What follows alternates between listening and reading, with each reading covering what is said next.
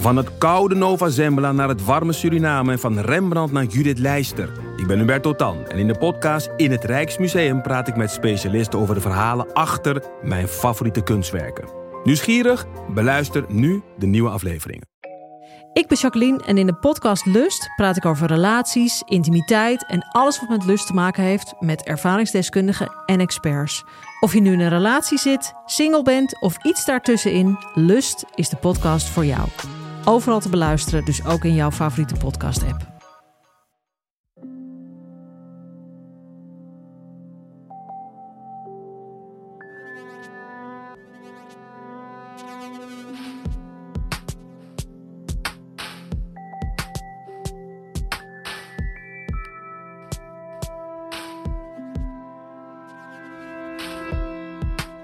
Hey, ik ben Pieter van Relaas.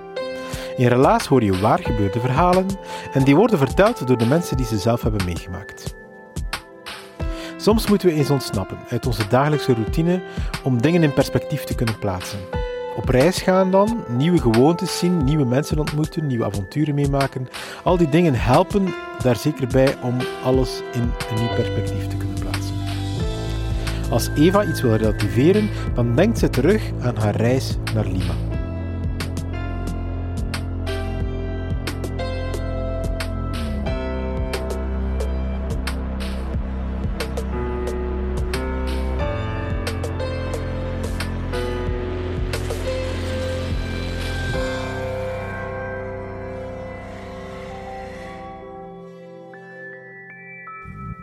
Augustus 2014.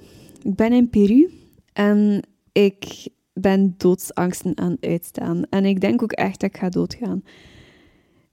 Ik heb mijn ogen bedekt met mijn vingers en ik durf er bijna niet doorkijken. Maar ik doe het toch. En ik zie voor mij uitgestrekte ravijn. En ik, eh, ik wacht op de crash. Ik wacht op de impact van een vrachtwagen die, uh, die in de ravijn stort. Ik zit in een vrachtwagen op 4500 meter hoogte in de Andes. De vrachtwagen staat loodrecht op een bergpad. En Plinio, die naast mij zit, probeert beetje bij beetje die vrachtwagen te draaien. Het is donker. De batterij van de auto is bijna plat. En ik denk echt, dit gaat niet lukken. Dit komt niet goed. En ik, uh, ik, doe, de ogen, ik doe mijn ogen terug toe. En ik, ik prevel bijna in mezelf van wauw, dit, dit, is het, ik ga dood, ik ga mijn familie nooit meer terugzien. Ik, uh, niemand weet eigenlijk waar ik ben. Ik ben hier bij iemand die ik zelf nauwelijks ken. Uh, dit is echt, echt niet oké. En tegen dat ik mijn ogen terug open doe, staat die vrachtwagen plotseling met de neus naar beneden. En ik, ik kan opgelucht ademen en ik ontspan en ik besef, oké, ik ga niet dood vanavond. En Plinio, die naast mij zit, die geeft mij een vliesdekentje. En die boodschap is duidelijk, uh, we gaan niet dood vanavond, maar we blijven wel in de vrachtwagen slapen. En het wordt een ijskoude nacht. Zes maanden daarvoor land ik in Lima uh, ik kom uit het koude Brussel en ik, ik voel mijn lichaam gewoon genieten van, van de zwoele warmte uh, als ik uit het vliegtuig stap. En ik ben ook onmiddellijk overprikkeld, want Lima die, dat blijkt een, een super chaotische, hectische stad te zijn. Het is er luid, het is er druk, het stinkt er. Um, op het einde van de dag was mijn snot helemaal zwart van de uitlaatgassen. Uh, onderweg naar uh, het, eh, de plek waar ik zou blijven, zag je aan de ene kant van de straat glitterende casino's en aan de andere kant van de straat zie je bijeengeknutselde huisjes. Um, eigenlijk is Lima een, een, een, vreselijke stad. En de meeste toeristen die hier landen, die willen er ook zo snel mogelijk terug weg. Ze vertrekken onmiddellijk naar het zuiden van Peru, ze gaan de Nazca-lijnen bezoeken, ze gaan naar Cusco, ze gaan naar Machu Picchu. Ze willen al de mysteries van Peru daar gaan zoeken. Maar ik blijf in Lima. Ik ga er zes maanden stage lopen bij APRODE. Dat is een organisatie die in 1983 is opgericht. In de beginjaren van een super gruwelijke, bloedige burgeroorlog die het land twintig jaar lang ehm, in de ban heeft gehouden. En uh, nog altijd een nationaal trauma nalaat. Aprode um, komt op voor de slachtoffers van dat burgerconflict, maar ze doen ook meer dan dat. Uh, ze strijden ook voor de rechten van minderheden in Peru, en dat vooral de traditionele bevolking. Een van de hot topics is de mijnbouw. Dus, uh, de Andes die zit chockvol met zeer waardevolle ertsen waar heel de wereld op aast. En de Peruaanse overheid heeft ervoor gekozen om de Andes te verkopen. Dus elke multinational die genoeg geld wil neerleggen, eh, die krijgt de concessie om daar alle ertsen te ontginnen en het land leeg en ontzield achter te laten uh, aan de bewoners daar ter plaatse. En uh, die bewoners kunnen er dan voor kiezen om te blijven en te sterven, ofwel te verhuizen naar de stad en daar dan een huisje in elkaar te knutselen tussen de casino's en te proberen te overleven met de weinig middelen die ze hebben. Nu, er zijn er ook die blijven en die het heft in eigen handen nemen en die dan maar zelf een mijn proberen uit te baten. Dus uh, ze zoeken dan naar artsen in de Andes, uh, ontginnen die en proberen de artsen te verkopen, om op die manier toch een klein beetje brood op de plank te brengen thuis. Nu, ik had daar dus heel veel over gelezen en gehoord tijdens mijn stage, maar ik bleef wel in Lima, in mijn bubbel daar. En hoe fantastisch ik Lima ook vond en hoe ongelooflijk ik mij er ook geamuseerd heb. Het kriebelde ook wel om dat andere Peru te leren kennen, om uh, dat authentieke binnenlandse Peru te leren kennen. Dus mijn laatste maand in Peru ging ik uh, zelf op reis naar het zuiden. En ik was niet meer geïnteresseerd in Machu Picchu en Cusco, maar ik wilde contact leggen met die binnenlandse traditionele bevolking. Dus ik ging op zoek naar een manier om dat te doen en ik vond dat via Woofing, dat een vrijwilligerswerk doen. En ik vond een plek in Lambrama waar ik uh, een beetje zou helpen op, uh, ja, met een project ter plaatse. Dus ik reis uh, van Lima naar het zuiden, duizend kilometer met de bus, diep in de Andes. En ik word daar opgepikt door Plinio, mijn gastheer.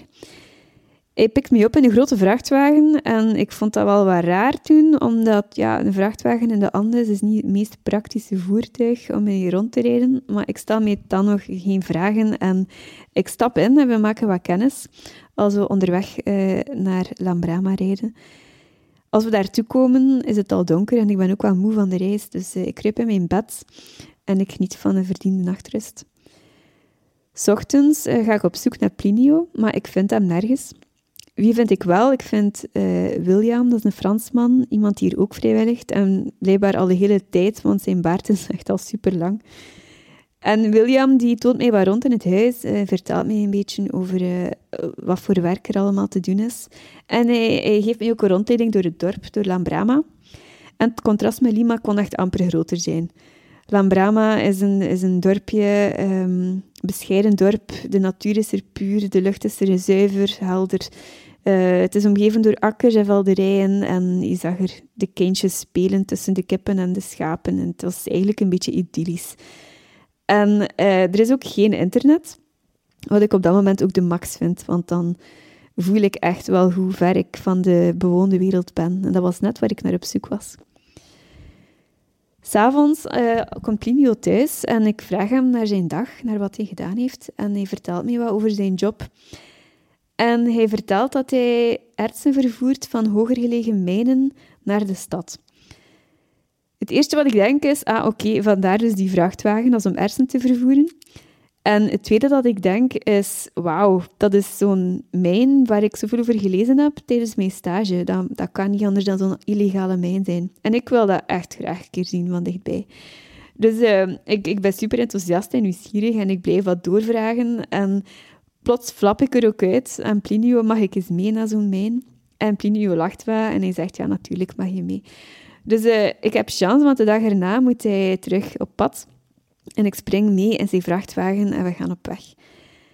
En we rijden urenlang in de Andes en uh, het wordt altijd maar kouder en grimmiger en donkerder, totdat de, het schijnsel uit de koplampen van uh, Plinio zijn vrachtwagen heel zwak is en dat wij beseffen dat de batterij van de vrachtwagen zo goed als plat is. Op dat moment durft Plinio niet meer verder rijden en moeten we draaien op het smalle bergpad. Dat is het moment dat ik eventjes dacht dat ik ging doodgaan, dat ik over die ravijn ging. Dat is die avond niet gebeurd, gelukkig. En we zijn toen veilig terug in Lambrama geraakt. En hoe blij ik ook was dat ik die avond overleefd had, ik was ook wel teleurgesteld dat ik die mij niet gezien had van dichtbij. Maar een paar dagen later komt Plinio terug naar mij en hij zegt dat hij uh, opnieuw naar een mijn moet, een andere die keer. En of ik zin heb om terug mee te gaan. En andere mensen zouden mij zot verklaren, maar ik ben ook een beetje zot soms. Dus uh, ik, ik zeg in vol enthousiasme, ja, natuurlijk wil ik graag mee. En William, de Fransman, die is intussen ook wel nieuwsgierig geworden door het verhaal dat ik verteld had. En hij wil ook mee. Dus wij trekken een dikke warme jas aan uh, om, om ons te wapenen tegen de kou. En wij springen in Plinio's vrachtwagen en met ons drie uh, vertrekken we. En opnieuw gaan we urenlang rijden doorheen de Andes. Um, smal bergpaden, veel ravijnen, grimmige omgeving. Het wordt parkoud. Uh, de lucht is ook donker. Niet omdat het te laat is, maar wel omdat de lucht zo wat vol zit met, met sneeuw en, en regen. Nu, na een paar uur zie ik in de verte wat beweging en ik zie uh, zo wat tentjes opdoemen. Ik zie vrouwen in de weer met potten en pannen en van vuur. En ik zie ook mannen in t-shirts met een helm en een lamp. Zo wat sjouwen met zakken, zware zakken precies. Plinio uh, rijdt in de richting van de mannen en hij parkeert zijn vrachtwagen naast een heleboel andere vrachtwagens die daar ook staan. We stappen uit en Plinio stelt ons voor aan die mannen. Um, dus ja, we maken wel een praatje en uh, een van die mannen die geeft mij een fles, zo'n plastieke fles die precies al veel te vaak opnieuw gebruikt is. En daar zit een vloeistof in, ik weet niet wat. Maar die man doet teken dat ik moet drinken. En ik denk zo, ja, oké, uit beleefdheid moet ik wel drinken. Dus ik, ik, ik schroef de, dop open en ik zet die fles aan mijn lippen. En mijn ogen branden onmiddellijk toe van de alcohol die daaruit opstijgt.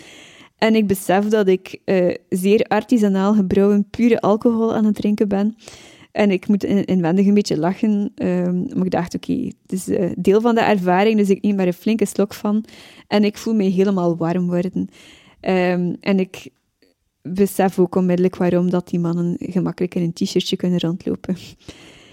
Nu, ik krijg een helm op mijn hoofd gezet uh, met een lamp erbij en ik mag een kijkje nemen in die mijnschacht. En dat is echt fantastisch. Ik zie overal kopererts blinken in het licht van mijn lamp en ik ben helemaal... Ja, ik kan eigenlijk niet geloven dat ik op die plek ben, um, zo ver van de bewoonde wereld, uh, op een van die plekken waar ik zoveel over gelezen en gehoord heb. Maar jammer genoeg kan het niet lang duren. Uh, het is al donker, het is al laat en we moeten snel terug naar Lambrama. Uh, de vrachtwagen is ook volgeladen intussen. Dus uh, we moeten terug instappen en vertrekken. Intussen was het ook beginnen sneeuwen. Eigenlijk meer regenen, zo van die mottige, natte smeltsneeuw. En Plinio um, ja, zet de lampen van zijn vrachtwagen aan. De batterij is goed volgeladen deze keer. En we vertrekken, maar we zitten al snel vast in de modder van die sneeuw. En hoe meer gas dat Plinio geeft, hoe, hoe dieper dat wij zakken in die modder. En de paniek begint opnieuw lichtjes toe te slaan, want ik denk weer van, ah, shit, ja, we zitten weer vast hier in de Andes en uh, we geraken weer niet thuis in Lambrama vanavond. Um, en het wordt weer een barre nacht in die vrachtwagen. En wie weet wat er nog allemaal zal gebeuren, want ja, in deze Andes weet je precies maar nooit. Maar um, de andere mannen, die andere vrachtwagen, die, die, die geven het precies niet zo snel op. En ze springen allemaal uit die vrachtwagen en beginnen verwoed stenen te verzamelen om, um, om de weg te verstevigen. Ik wil wel helpen, maar ja, dus als vrouw, dat is niet echt vrouwenwerk. Dus ik blijf in die, in die passagiersstoel zitten met opnieuw een vliesdekentje rond mij. En ik probeer mezelf wat te kalmeren en, en uh, te wachten, want meer kan ik niet veel nou, meer kan ik niet doen. Maar gelukkig, wonder boven wonder, na een paar uur uh, is dat gelukt. Uh, hebben die mannen de weg kunnen verstevigen met al die stenen en kunnen we terug verder rijden met die kolonnen vrachtwagens. En als we terug in Lambrama zijn, sta ik onder een hete douche. En ik kan eigenlijk amper geloven dat ik uh, op één week tijd bijna twee keer heb vastgezeten in het meest onherbergzame gebied uh, ter wereld waar ik ooit geweest ben. En twee keer gedacht heb dat ik... Um, ja, dat niemand ooit mij ging terugvinden, dat ik nooit meer mijn familie ging terugzien. En um, in de maand dat je erop volgt, heb ik nog veel gereisd, heb ik nog heel veel dingen meegemaakt. Ik zou nog heel veel relaties kunnen vertellen, maar dit verhaal springt er toch wel echt uit voor mij. Want heeft mij veel bijgeleerd. Het heeft een diepe indruk nagelaten over hoe, over hoe mensen uh, een, een situatie aanvaarden voor wat ze is en daar niet altijd over klagen. En heeft mij geleerd om mijn eigen miserie te relativeren. Dus als ik een keer vastzit in de sneeuw of in de file, of als ik het ijskoud heb, of als het gewoon echt allemaal tegensteekt, dan denk ik terug aan Brahma en dan weet ik dat het echt veel erger kan.